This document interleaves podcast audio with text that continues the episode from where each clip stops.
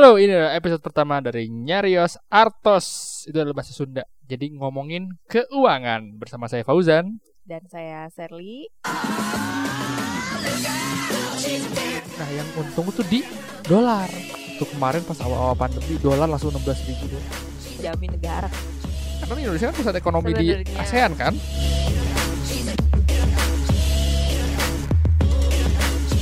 Pandemi itu dari, dari berapa lama sih ya? Dari Masuk tuh pas eh, awal-awal Februari gak sih? enggak awal-awal Maret. Maret ya? Heeh, Maret. deket Maret. Jadi waktu pas deket-deket Maret itu aku ingat banget si udah mulai disuruh WFH kan? Iya. Udah disuruh iya. mulai Tapi WFH. kantor gue belum. Heeh. Oh, kata kamu belum? Belum. Oh, tapi aman kerjaan. Kamu kan sempat ini ya, sempat sempat dirumahkan ya? Ya, akhirnya dirumahkan. Itu bulan keberapa? Itu di bulan eh, Juni. Jadi terakhir kerja tuh Mei.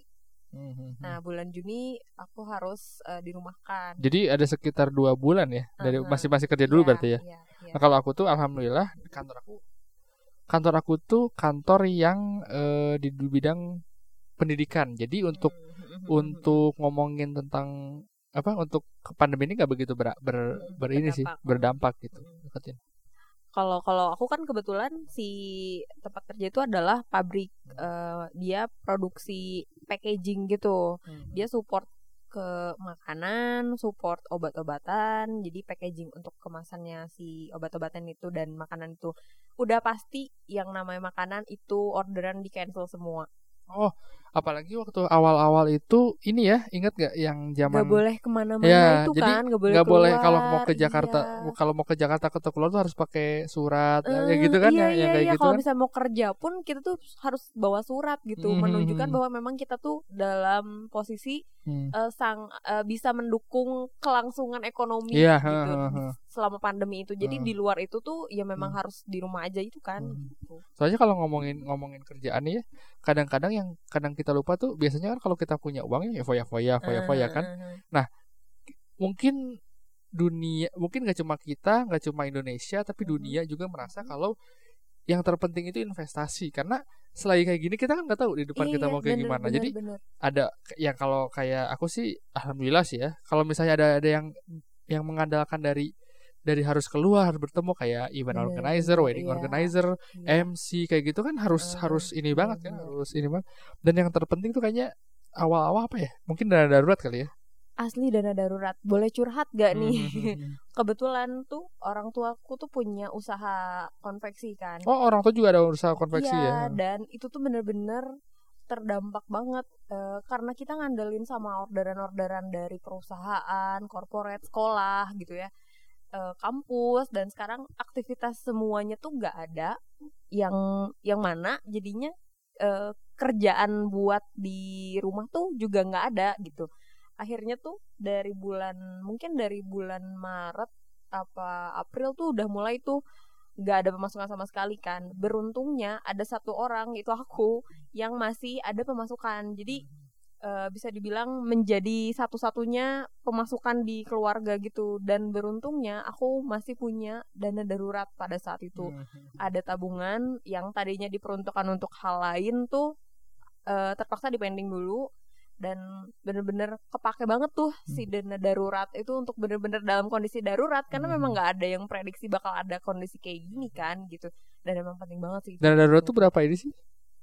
Kalau sebenarnya itu tergantung situasi orang-orang sih ya Hmm. nggak bisa direct ada yang bilang dengan eh, kondisi single cukup Hmm. tiga eh, tiga bulan Ah, tiga pengeluaran bulan, ah. pengeluaran ya bukan eh, apa bukan pemasukan Hmm, gitu pengeluarannya kita tapi ada yang bilang juga minimal enam bulan untuk yang single Hmm, hmm. nanti kalau misalnya udah nikah itu beda lagi Hmm. dua kali lipatnya berarti 12 bulan kalau punya anak satu itu beda lagi anak Hmm. dua itu beda lagi Sebenarnya kalau Hmm. simpelnya mungkin kalau yang kalau yang udah punya istri ya misalnya ber- hidup berdua suami Heeh. istri itu Heeh. dana daruratnya misalnya tiga bulan tapi kali dua kali ya. Iya, iya. itu terus iya, kalau misalnya punya iya. anak satu jadi kali tiga kali Heeh, empat heeh, empat gitu, gitu heeh, terus iya, ya iya. wah ribet ya Lumayan.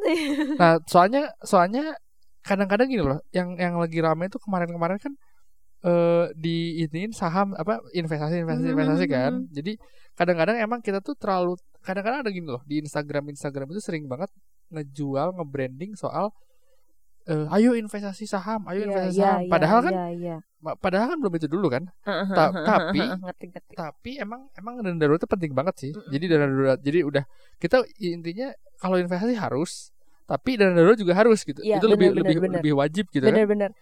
Kebayang gak sih misalkan ya, kamu da- lagi dalam kondisi eh, pandemi kayak gini, terus eh, kamu nggak punya dana darurat, tapi kamu tuh berinvestasi pada saham. Nah, kamu tahu nggak sih nah, kemarin saham kayak nah, gimana nah, kondisinya? Itu Soalnya- tiba-tiba tuh hampir semua saham Hmm. tuh pada turun kan? hmm, tadi besok Oke, misalkan nih ya, ada satu orang dia nggak punya dana darurat, terus lagi kondisi kayak gini, tapi dia dia investasi, Mhm. investasinya ke saham, terus saham lagi anjlok, bisa dibilang dia butuh banget dananya kan. Hmm, hmm. Kalau misalkan dia lepasin atau dia jual si saham-sahamnya dia dalam kondisi lagi buruk, itu udah bukan jadi investasi nggak sih? Iya, jadi iya, kayak jual rugi Iya, gitu loh. jual rugi banget. Nah, makanya kenapa harus ada dana dana darurat tuh ya Hmm. supaya kalau misalkan kamu lagi investasinya la- lagi dalam kondisi turun tuh ya kamu nggak akan rugi Hmm. gitu.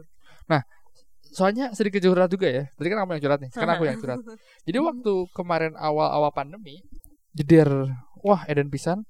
Terus harga saham tuh drop sedrop-dropnya. Iya, bener-bener itu Dan merah. IHSG itu dari eh 600 6000 ya? Hmm, Dari iya. sempat nyentuh 6000 kan? Dan dari 6000 turun sampai 4000. Kebayang gak sih dari segitu Iya, itu- saham itu. itu drop sampai 40%. Jadi waktu itu wah pokoknya kalau kalau jadi kalau orang baru investasi itu pasti ngerasa sedih banget loh. Karena aku baru baru baru belum setahun sih ya. Hmm. Soalnya untuk berinvestasi investasi gitu jadi Mhm. ngerasa banget gitu jadi. Tapi ada yang yang merasa aku beruntungnya. Waktu di saat yang sama aku tuh lagi eh aku tuh investasi lagi nyoba sih sekarang tuh. Ya, ya. Lagi nyoba di, di beberapa di beberapa eh produk. Pertama itu in- eh, Saham. saham. Nah, yang untung tuh di dolar. Oh Jadi iya. waktu itu aku beli dolar tuh di bulan Oktober. Mhm, mhm, Di bulan Okto- Oktober itu dolar itu nyentuh sampai 13.600. mhm. Aku pik- pikir aku simple. Mungkin di akhir tahun bakal 14.000 atau 14.500 Hmm. atau mungkin 15.000. Ya. Karena biasanya di, di Natal kan naik kan. Heeh. Ternyata enggak sampai turun terus tuh sampai nyentuh 13.400 Iya apa? iya iya sempat Sampai segitu kan? itu. Waktu kemarin pas awal-awal pandemi dolar langsung 16.000 dong. Itu aku eh, Jual. apa, langsung jual iya langsung jual. Langsung langsung. So- soalnya waktu pas nyentuh tiga, waktu pas nyentuh 16.000 itu aku ngerasa wih ini kapan lagi Iya, dolar iya, betul, 16.000 betul, betul, nih betul. dan semua orang kan kayak Mm-mm, kayak panik gitu kan wah Mm-mm. dolar naik dolar naik Iya, dolar naik iya, di, iya, di iya. Instagram di Twitter segala macam dolar naik terus aku tuh merasa oh investasi aku yang berhasil tuh di Bener. di di dolar gitu iya. oh oh dolar Itu ini jatuhnya mindset ya. ya Ada orang yang ketika harganya naik, aduh kenapa naik gitu kan. Terus Hmm, ah hmm, jadi mahal. hmm, hmm, Justru kalau misalkan kamu udah action sebelumnya, itu Hmm. tuh jadi kayak kesempatan gitu. Ya, tapi sayangnya kalau investasi di dolar juga ada beberapa orang yang kasihannya gini. Pas nyentuh 16.000 ribu banyak apa namanya? eh ek- eh, apa? Analis-analis gitu. Dan Iya. ana- yang kalau analis itu kadang-kadang dia asal ngomong tapi nggak nggak tahu nih kredibilitas itu ada banyak yang gitu kan. Iya, iya, ba- Wah, banyak. ini harusnya beli dolar sekarang ini segala macam. heeh. Jadi pas ketika orang banyak yang beli di, di 16.000 ribu tiba-tiba drop sekarang. Nah, Dan sekarang kan bener. emang kalau kondisi dolar dan dan apa namanya dan saham gitu kan emang kondisinya kan cuma kayak angin topan gitu lah Iya, kayak iya. cepet bener. jadi udah gitu Iya, kan itu tuh kalau kalau di grafik tuh kayak apa ya ayunan dia tuh Hmm. lagi naik nah di saat lagi naik naiknya Hmm. semua orang ngambil posisi yang sama nah Hmm. dia nanti akan berada pada titik jenuh Hmm. udah udah di yang paling tinggi ya dia bakal turun lagi ke bawah buat nyeimbangin nah Hmm. orang-orang tuh actionnya ya eh, terlambat bisa Hmm. dibilang gitulah ya gitu. kayak panik gitu kan ah nah soalnya juga soalnya waktu jadi aku tuh tergolong beruntung lah jadi aku kalau kalau ngomongin tentang investasi di dolar aku tuh udah udah beruntung tapi mm-mm. nggak cocok sih buat investasi sih karena ya sekarang kan saya kita Iya, iya, iya, dolar tuh buk- bukan bukan sebuah alat ya bisa jadi investasi sih mhm, cuma mhm. maksudnya ya jangka panjang dan setinggi tingginya dolar sih kap bisa kita beli di 14.000 ribu Agak pelan gitu ya pelan. kadang-kadang bes- besok 14.500 Mhm, kadang-kadang kan kayak gitu kan. Eh tapi jangan salah loh. Aku kemarin ngambil SGD SGD Sem- lagi ini ya? Iya, sebelum eh se- sempat ada yang bilang, eh nanti katanya Singapura bakalan resesi, terus Hmm. eh, cuman sayangnya cuman ngambilnya sedikit banget gitu. Jadi cuman trial aja Hmm. apakah sangat eh, baik atau Hmm, tidak hmm, gitu ya. Kalau misalkan ada negara yang kondisi ekonominya mau memburuk nih Hmm, gitu hmm, kan. hmm, Sebenarnya hmm, dibilang hmm. bisa dibilang kayak gitu. Jadi cobain lah di trial beli waktu itu tuh harganya masih di sepuluh ribu dua ratus Hmm. aku beli di di sepuluh ribu dua ratus Hmm. sekarang eh, satu SGD udah sepuluh ribu enam ratus Lumayan ya. hanya Hmm, apa 400 udah sepuluh ribu delapan ratus ya terakhir Hmm. Wah, udah Hmm, naik itu hmm. udah ada selisih Tapi emang kalau itu sih menurut aku sih eh high risk juga sih ya. iya iya beli bener. beli mata uang gitu. benar benar Terus udah gitu aku tuh punya nyobain sah eh sorry reksadana juga. ah, aku nggak reksadana saham, reksadana pasar uang. iya. Ah, sama sama sama Kalau reksadana saham kan udah ada sahamnya kan. Heeh, Jadi lebih kalau saham reksadana aja saham udah udah pastilah itu turun drop banget waktu iya, kemarin iya. tuh. Kalau reksadana pasar uang itu itu jatuhnya apa sih? Pembelian ini kalau pasar uang tuh lebih ke obligasi sih obligasi ya. obligasi terus eh, apa ya apa sih pokoknya itu yang lebih ke keuangan sih Hmm, Gitu, Nah itu emang kalau itu ada, lebih sahamnya lebih eh, ini lebih Aman. lebih aman Heeh, kalau si pasar uang itu. dibelinya ke eh, apa produk-produk punya pemerintah sebenarnya Hmm, dan hmm. itu kan dijamin kan gitu Ya, nah dari dan kalau misalnya kalau kita pengen juga lebih enak sebenarnya ada yang lebih aman lagi. Itu SBN, oh surat berharga iya, negara. iya, bener-bener. iya iya iya, Jadi iya, emang iya, kalau iya. Dulu, dulu tuh aku suka suka apa namanya? Aku- Dulu tuh emang aku belum tahu sih. Jadi Mhm, ada kan dulu tuh kita tuh taunya cuma minjem uang ya, Mm-mm. minjem uang ke ini Ke- Nah, ya. ke ke bank apa Ke segala bank, macam. Nah, sekarang mm. tuh aku tuh baru tahu sih kalau kalau ternyata negara tuh pinjem uang juga ya iya ke Pinjam ke ke rakyatnya. rakyatnya. dan dan dan oh ya ada satu lagi nih. Aku jadi baru ingat emas. Mm-mm. Emas Oh, iya, tuh kemarin juga punya tuh mas kemarin tuh emas tuh kan lagi naik banget kan. parah parah Lagi banget naik, udah nyampe sejuta kan Udah sampai sejuta, tak tiba-tiba turun, turun turun Iya, drastis. turun lagi Ber- aku tuh emang emang mikir kayaknya kalau emas itu eh nggak high risk ya, cuman untuk investasi jangka pendek sih kurang Nggak- bagus nggak ya. bisa Iya, itu tuh eh, aku tuh sering banget kalau ada teman-teman yang coba pengen belajar investasi Hmm. pasti itu pertama ke emas dulu dan aku selalu bilang kamu nggak boleh ambil. Kurang dari satu tahun Ya. karena eh, nggak ada apa ya nggak ada jaminan selama satu bulan itu akan ada kenaikan langsung gitu Mhm. kebetulan aja eh, di bulan-bulan ini tuh eh, kenaikannya emang tinggi Hmm. banget kemarin ada temanku juga kayak gitu dia naro eh, sekitar mungkin 3 juta lah ya di emas terus sekarang tuh udah dapat selisih 200 ribu cuman cuman jangka waktu mungkin sekitar dua mingguan Mhm. itu kebetulan karena kita lagi kondisi harga emasnya lagi bagus Iya. ya kalau lagi dalam kondisi ekonomi yang eh, stabil kenaikan Hmm. eh, emas tuh nggak akan Hmm, secepat itu gitu Iya. heeh. biasa aja gitu ya paling de- dari setahun adalah sekitar 10% lah gitu dari harga awal gitu jadi ya kebetulan sekarang lagi bagus aja gitu Dan menurut aku sih kalau misalnya emas tuh emang emang eh, kalau untuk hitungan selama dua, du- mungkin menurut aku satu sampai dua tahun lah itu bisa udah bisa menjadi eh, dana darurat. ah ya ya iya bisa Aku bisa aku bisa mikirnya gitu. Nah beda eh, kalau misalnya ngo kita pengen investasi tapi kita punya dana darurat juga, Mhm. menurut aku emas tuh bisa jadi pilihan, tapi Mm-mm. pilihan untuk di satu tahun ke depan. Mm-mm. Jadi jangan jangan jadi dana darurat kita punya kumpul aja dulu dana darurat sekarang sama mas juga jadi aku udah kayak gitu jadi pas aku udah aku udah setahun setengah ya itu Mhm. mas ternyata oh, emas aku tuh udah bisa jadi dana darurat aku gitu karena nilainya udah naik udah kan? naik pisan Heeh, tapi kalau heeh. misalnya kayak kemarin kan wah bisa turun-turun segala Iya, macam gitu iya, nah iya. tapi kalau misalnya yang bisa lebih am- yang lebih aman lagi menurut aku itu itu SBN iya sih. surat berharga negara karena apa karena kalau misalnya eh, kita bu, utangnya berapa bunganya berapa sekarang Eh, bukan bunga sebenarnya kupon oh kupon ya? jadi eh, terakhir tuh SBR 6, koma berapa ya? 6,8 persen kalau Oh, gede ya. Float- eh, eh, floating Mhm. jadi eh, jadi enaknya kalau misalkan si SBR ini SBN bukan SBR eh, jadi kalau SBR tuh saving bond retail Mhm. SBN itu untuk keseluruhan jadi apa pun surat berharga negara Mhm. salah satunya adalah SBR Mhm. gitu terus dan ada banyak lain lah Mhm. gitu nah itu enaknya eh, nggak mungkin turun Ya, haha. paling flat gitu kalau misalkan ternyata suku bunganya turun ya mereka nggak akan turun tapi gitu sesuai perjanjian Hmm. pertama aja tapi ketika si suku bunganya naik mereka bisa jadi naik gitu Mhm. nah itu enaknya itu sih Dan dan, juga udah kalau- dijamin negara kan Iya, dan dan juga yang paling yang paling sekarang gini kalau misalnya kayak saham nih, ada kita kita masukin investasi ke satu saham dan si perusahaannya tiba-tiba bangkrut. Kalau sistem saham kan eh, si si perusahaan itu ngeganti dulu ke eh, ganti dulu ke pe- pe- pegawainya kan Heeh, ganti heeh. dulu ke pegawai dengan ngejual aset-aset mereka udah ke pegawai baru ke eh sorry ke utang dulu Iya, iya. dia ngutang utang dulu utangnya udah lunas baru ngasih ke pegawai kompensasi apa dana apa sih dana apa sih buat pegawai?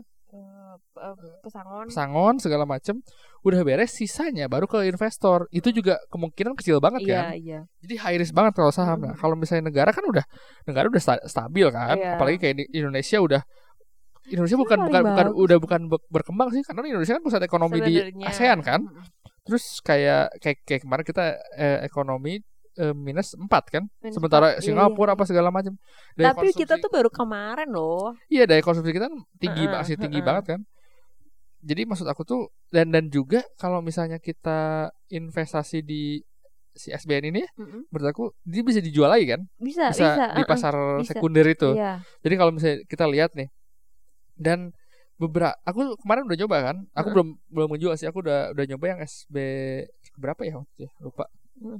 nyobain dulu tek, Mhm, ternyata mhm. ih ternyata emang emang tiap ini kan Iya, tiap tiap apa namanya tiap Tiap bulan. tiap bulan tahu gitu oh bunga segini bunga Ada- segini iya, bunga iya. gitu jadi kalau kalau terlalu kalau emang kalau misalnya yang awal banget aku sih ini ini sih SB, SBR ini Iya sih. soalnya enak-enak banget kan si mm-mm. Kalau memang kalau misalnya apalagi kalau eh, bisa dibilang nggak semua orang punya latar belakang ekonomi gitu ya. Hmm.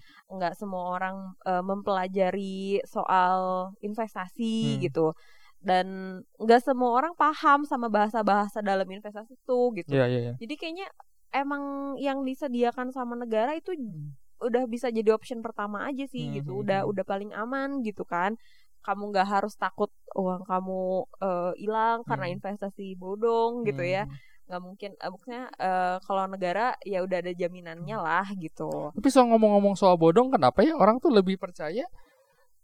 Maksudnya gini loh, kayak negara udah udah ngejamin nih se- Mm-mm. sebuah negara dari Kementerian Keuangan. Nanti kan ada bank-banknya kan, kita Iya. nggak usah nyebutin Iya, bank-banknya, iya. tapi kan ada bank-bank yang yang ngurusin itu kan, eh, menjadi Eh, apa apa, ya namanya? eh, rekan lah ya Rekan gitu. si Kementerian Keuangan itu. Mm-mm. Nah itu terbukti kan, nanti Mm. kalau kamu eh, satu juta sampai 3 miliar batasnya Mm. kan, satu ini tuh. Aku biasa sih paling atas, biasa yang enggak. nah udah di jadi udah dari tadi apa sih eh, udah nah udah gitu orang-orang tetap tetap tetap nggak notice banyak dan aku tuh yang suka eh, anehnya kayak kayak tem- kayak kayak teman-teman aku nih yang kemarin baru datang terus eh eh, kemarin orang dijanjiin sih ya mau investasi Heeh. Berapa belas juta nanti bal- baliknya tuh nanti balik- eh, segitu misalnya dia dia tuh eh. investasi 30 juta Mm-mm. nanti dapatnya 30 juta lagi Mm-mm. jadi eh eh sorry sorry kenaikan jadi misalnya 15 juta dapatnya tuh 10 juta kalau 30 juta dapatnya eh, sampai titik 100 juta nanti dapat 100 juta lagi gitu Hmm, jadi dipaket gitu. itu. Jadi kan da- dalam tiga bulan Iya iya iya. itu dari mana sih orang nggak nggak jelas oh bilangnya tuh trading apa segala macam tapi kan nggak jelas ya Iya iya. dan dan jarang ada investasi yang investasi yang hi- high return gitu Iya. dengan eh, kalau nggak penipuan ya dengan ini kalau misalnya negara kan udah udah jelas ya Iya. segini Nggak muluk lah eh, ya segini, gitu. dan waktunya kan tiga tahun ya kalau S, mm-mm. eh, SBR itu ya Iya. tiga tahun kan si Ada yang si- ada kalau nggak salah ada setahun nggak sih? nggak nggak ada tiga tahun ada ya? semua Tiga ya. jadi di tiga, di tiga tahun udah udah jelas lagi kita nominalnya berapa ininya berapa ya se- udah ada kayak nabung aja kan Heeh, dan kalau misalkan kita tahu kalau kalau Hmm. SBN itu eh si investasinya kita gitu. Kalau kita kan masuk kategorinya kalau Hmm. se- sebagai kita kan nasabah tuh sebagai investor kan. Hmm. Kita tahu si uangnya tuh akan dipakai untuk apa gitu. Hmm. Dan itu tuh dipakainya untuk pembangunan negaranya juga. Hmm, hmm, Mm-mm. Jadi kayak bisa jadi untuk eh, pembangunan jalan, untuk pembangunan tol atau mungkin untuk bikin eh, sekolah Hmm, hmm, mungkin hmm, hmm. atau rumah sakit Hmm, gitu hmm, ya. Pokoknya hal-hal yang memang mendukung ke pembangunan negara kita Hmm, hmm, gitu. hmm. Jadi kayak kita tuh nge ikut serta ngebangun negara Ya, sendiri gitu oh. loh. udah mah udah mah kita apa namanya kita investasi Mm-mm. dapat returnnya juga Heeh. kita menikmati Negara- juga iya, kan Iya, Hmm. kita nikmatin juga. Dan Hmm. sebenarnya gini ya, eh, negara kita tuh sebenarnya masih kekurangan investor loh gitu. Hmm. Eh, sorry tuh saya banyak orang yang bilang kok Indonesia kerja sama sama Cina, kok Hmm. Indonesia kerja sama sama mana gitu, Hmm. Amerika atau mana gitu. Eh, kenapa sih harus sama orang asing? Karena orang Indonesianya sendiri tuh nggak ngebantuin gitu. Hmm, hmm, hmm, hmm. Lo kalau misalkan eh, neg- ada orang butuh dana terus eh, keluarganya nih gitu ya Hmm. anggota keluarganya nggak bisa bantu ya pasti dia bakal minta tolong ke Keluar, orang lain kan siapa nih yang bisa bantu gitu sedangkan kayak kita orang-orang Indonesianya ada yang tidak sadar dengan investasi gitu Oh. ada yang sadar investasi tapi orang-orang di kita kan ya mungkin karena keterbatasan eh, apa ya mungkin kurang diedukasi kali ya Hmm. dan Tentang informasinya itu ya. heeh, informasinya tuh kayaknya nggak nggak pada sampai gitu ke mereka Hmm. mereka jadi mereka malah lebih percaya sama ya itu yang Versi high- bodong. eh, heeh. eh, yang high Ha- return padahal mah nggak Enggak itu tahu itu mah high risk no return malah. iya iya Ya sih kan uang nggak maksudnya apa menjanjikan high Heeh. return bunga gitu, nggak bunga nggak ada itu itu nggak balik kan. pada akhirnya Heeh. mah tidak tidak ada Heeh. itu return Banyak loh yang kayak gitu kan. banyak Dan gitu. yang yang jelas kalau misalnya lebih enak lagi emang kalau si ya neg- si ya negara utang sama kita kita lagi kan. Heeh, heeh. Jadi dari dari kita untuk mereka gitu. Iya. Jadi untuk untuk kita lagi gitu. untuk kita lagi Hmm, sebenarnya ya hmm, gitu hmm. kan gitu Nah, baru-baru ini Direktorat Jenderal Pengelolaan Pembiayaan dan Risiko Kementerian Keuangan resmi mengeluarkan salah satu SBN retail yaitu Sukuk Retail seri SR013. SR013 ini masa penawarannya akan berlangsung mulai tanggal 28 Agustus sampai 23 September 2020. SR013 ini memiliki tenor 3 tahun dan menawarkan tingkat imbalan atau kupon tetap sebesar 6,05% per tahunnya. SR013 ini pembiayaannya untuk pembangunan berbagai proyek dan kegiatan APBN di 2020. Proses pemesanan pembelian SR013 ini dilakukan secara online melalui empat tahap, yaitu pertama registrasi atau pendaftaran, kedua pemesanan, ketiga pembayaran, dan keempat settlement. Pemesanan pembelian disampaikan melalui sistem elektronik yang disediakan oleh mitra distribusi yang memiliki interface dengan sistem ISBN. Jadi kalau kalian berminat untuk membeli sukuk retail seri SR013 dapat menghubungi atau mendatangi 31 mitra distribusi yang telah ditunjuk oleh pemerintah. Jadi sebenarnya si SBR ini emang emang balik-balik lagi ini, ini untuk kita sih ya. Iya. Jadi investasi. Jadi kebayang gak sih kalau kita 3M nih dapat bunga tuh per tahun berapa sih? 6, enam persen lah ambil 6% ya? enam enam koma delapan 6,8. setengah berapa tuh coba? ya kita coba hitungnya sekitar Ya nanti lah hitung sendiri lah. Kita Nanti edukasi ya, orang. ya Jadi siapkan. kita ini dan dapatnya kan per bulan ya. per bulan Kalau da- dapatnya per bulan. Jadi jadi kita dari bu, dari tiga persen itu terus kita dapat enam eh sorry iya dari 3 miliar maksudnya dari Oke. 3 miliar terus dari dengan bunga itu selama tiga tahun berarti Mhm, per mhm. bulan per tahunnya kan 6 miliar kan Heeh, heeh. dan dan itu juga dananya dipakai buat pembangunan, pembangunan negara, negara, juga. nggak nggak- ya nggak cuma pembangunan ya untuk untuk Ya, negara aja untuk- kan heeh, untuk untuk seluruh Kelangsungan, negara gitu betul. dan negara-negara juga ya untuk untuk kita lagi gitu kan Betul, untuk betul. untuk untuk kita untuk kita nikmati untuk kita i- segala macam lah jadi kalau lebih enaknya gitu ya jadi Iya. kayak kayak kayak i- ini mah jatuhnya jadi kayak sumbangan tapi bukan sumbangan ya kalau sumbangan nggak balik kan Heeh. kalau kayak misalnya di RT RW gitu Iya. sumbangan buat inian jalan gitu kayak apa mungkin ya mungkin nih eh, negara kan lagi banyak bantuin rakyat nih kayak kemarin eh, Iya. bantuin dalam eh, sembako Ya, ya, benar, dana benar, hibah terus Hmm. eh, terakhir itu ada untuk UKM juga Hmm, yang hmm. UKM kan banyak yang terdampak jadi kan kemarin Mungkin juga bisa jadi dari- bener-bener. untuk itu juga jadi kemarin kita udah sempat minus mungkin ini uangnya di- dipakai buat membantu Untuk- menaikkan iya, ekonomi men- salah satunya eh, bener. ngebangkitin UKM terus Mm-mm. ngebangkitin yang belum kerja dengan Iya, prakerja itu kan iya, iya, terus yang dengan yang eh yang peke- pekerja itu Mm-mm. yang udah untuk apa dan untuk pekerja itu jadi ekonomi biar biar makin muter Mm-mm. kalau ekonomi Indonesia muter jadi lebih enak Iya, lagi gitu iya, jadi lebih gitu lebih kan. dan juga mungkin untuk pengembangan vaksin juga bisa kan yang bisa bisa vaksin itu wah jadi banyak banget lah ya Oh, banyak banget sih iya benar Ini- manfaatnya sih jadi ya ya udah ini dari, dari, Iya. kita untuk kita Dari lagi kita sih kita untuk kita. iya betul sekali